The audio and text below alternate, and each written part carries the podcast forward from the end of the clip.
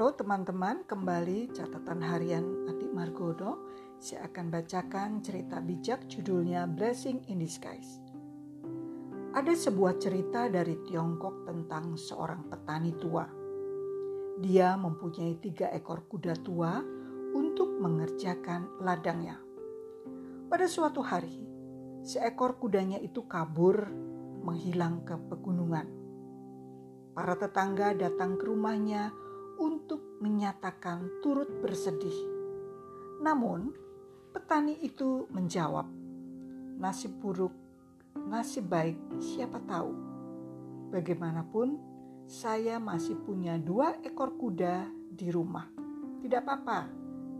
Mendengar jawaban itu, para tetangga dalam hati mentertawakan dia.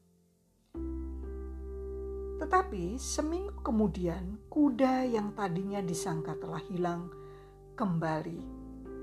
Ia membawa kawanan kuda liar dari pegunungan. Para tetangga datang untuk mengucapkan selamat kepada petani itu atas keberuntungannya.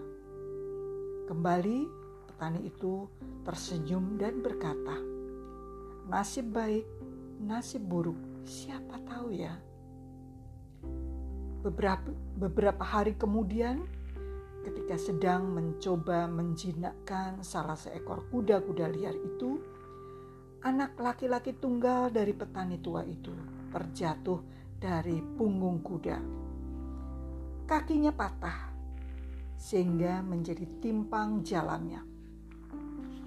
Semua pemuda atau tetangga merasa bahwa kali ini petani itu sungguh ditimpa kemalangan. Tetapi apa yang terjadi? Sang petani masih bisa berkata, nasib baik, nasib buruk, siapa tahu ya. Yang jelas hanya satu kakinya yang patah.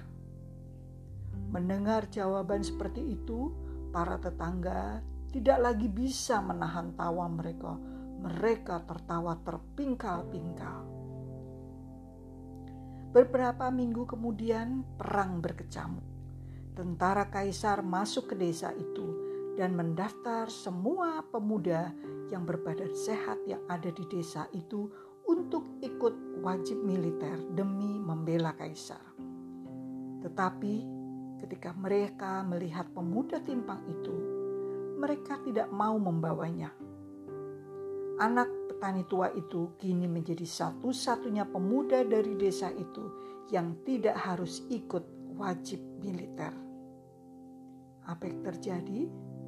Petani tua itu sambil memandang ke langit berkata, "Memang nasib baik, nasib buruk, siapa tahu." Hal beruntung atau tidak, sering kali merupakan sebuah kesimpulan yang dipetik karena orang-orang melihat peristiwa di dalam hidupnya menurut sudut pandang tertentu. Tidak jarang di balik peristiwa yang tampaknya tragis, tersirat berkat Allah yang segera tiba, yang menunggu saat yang tepat untuk datang. Singkatnya, ada blessing in disguise, ada berkat yang tak sembunyi. Nah, teman-teman, apa yang kita bisa tarik dari cerita ini? Bahwa segala sesuatu bukan secara kebetulan Semoga cerita ini menginspirasi, diambil dari buku Antonio de Melo.